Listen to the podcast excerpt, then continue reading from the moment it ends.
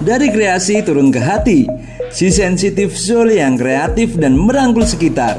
Ini dia tipe kreatif sensitif soul. Only on Miss Witopia Podcast. Hai Miss Wits, kamu itu sensitif soul nggak? Kalau iya, kamu pasti dapat merasakan berbagai macam-macam emosi dengan intensitas yang tinggi. Terus mudah berempati dengan sekitar terus berusaha memahami makna di balik pengalaman hidup melalui proses kreasi.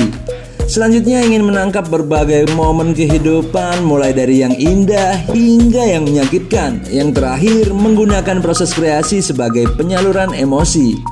Ini dia empat jenis sensitive soul. Recorder berusaha menangkap berbagai momen kehidupan melalui proses kreasi. Meaning maker berusaha memahami kesulitan, tragedi, atau kepahitan hidup melalui proses kreasi. Selanjutnya ada tormented artist, merasa bahwa inspirasi dan proses kreasi sangat tergantung pada penderitaan dan kesengsaraan terakhir. Next, keempat, fly attendant, menggunakan proses kreasi untuk menyelamatkan diri dan orang sekitar. Terus kekuatannya seorang sensitif soul itu dapat melalui momen-momen terberat dalam hidup melalui proses kreasi.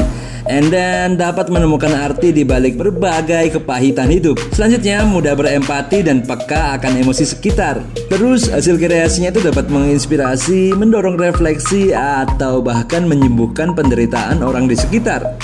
Terlalu mengaitkan proses kreasi dengan penderitaan dapat menimbulkan romantisasi berlebihan terkait mental health issues seperti depresi dan kecemasan. Kalau tidak diatasi dengan baik bisa berdampak fatal. Waspadai memandang kepekaan emosi dalam diri sebagai kelemahan dan terus mengkritisi diri akan hal tersebut. Coba untuk menerima dan menyalurkan kepekaan emosi melalui proses kreasi dan berlatih untuk lebih berempati pada diri sendiri.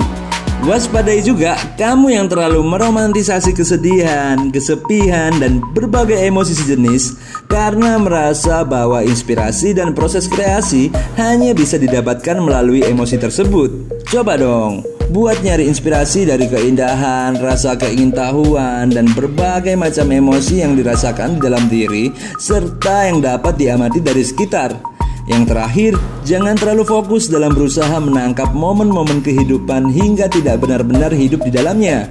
Coba untuk meletakkan kuas, pena, kamera, gitarmu, atau pemikiran untuk menghasilkan karya sejenak dan benar-benar resapi dan nikmati saja waktu di masa kini. Kalau kata si Kunto Aji sih, rehat. Well, yang terakhir, setelah sensitif soul ada The Activist. Mau dibahas sekarang juga?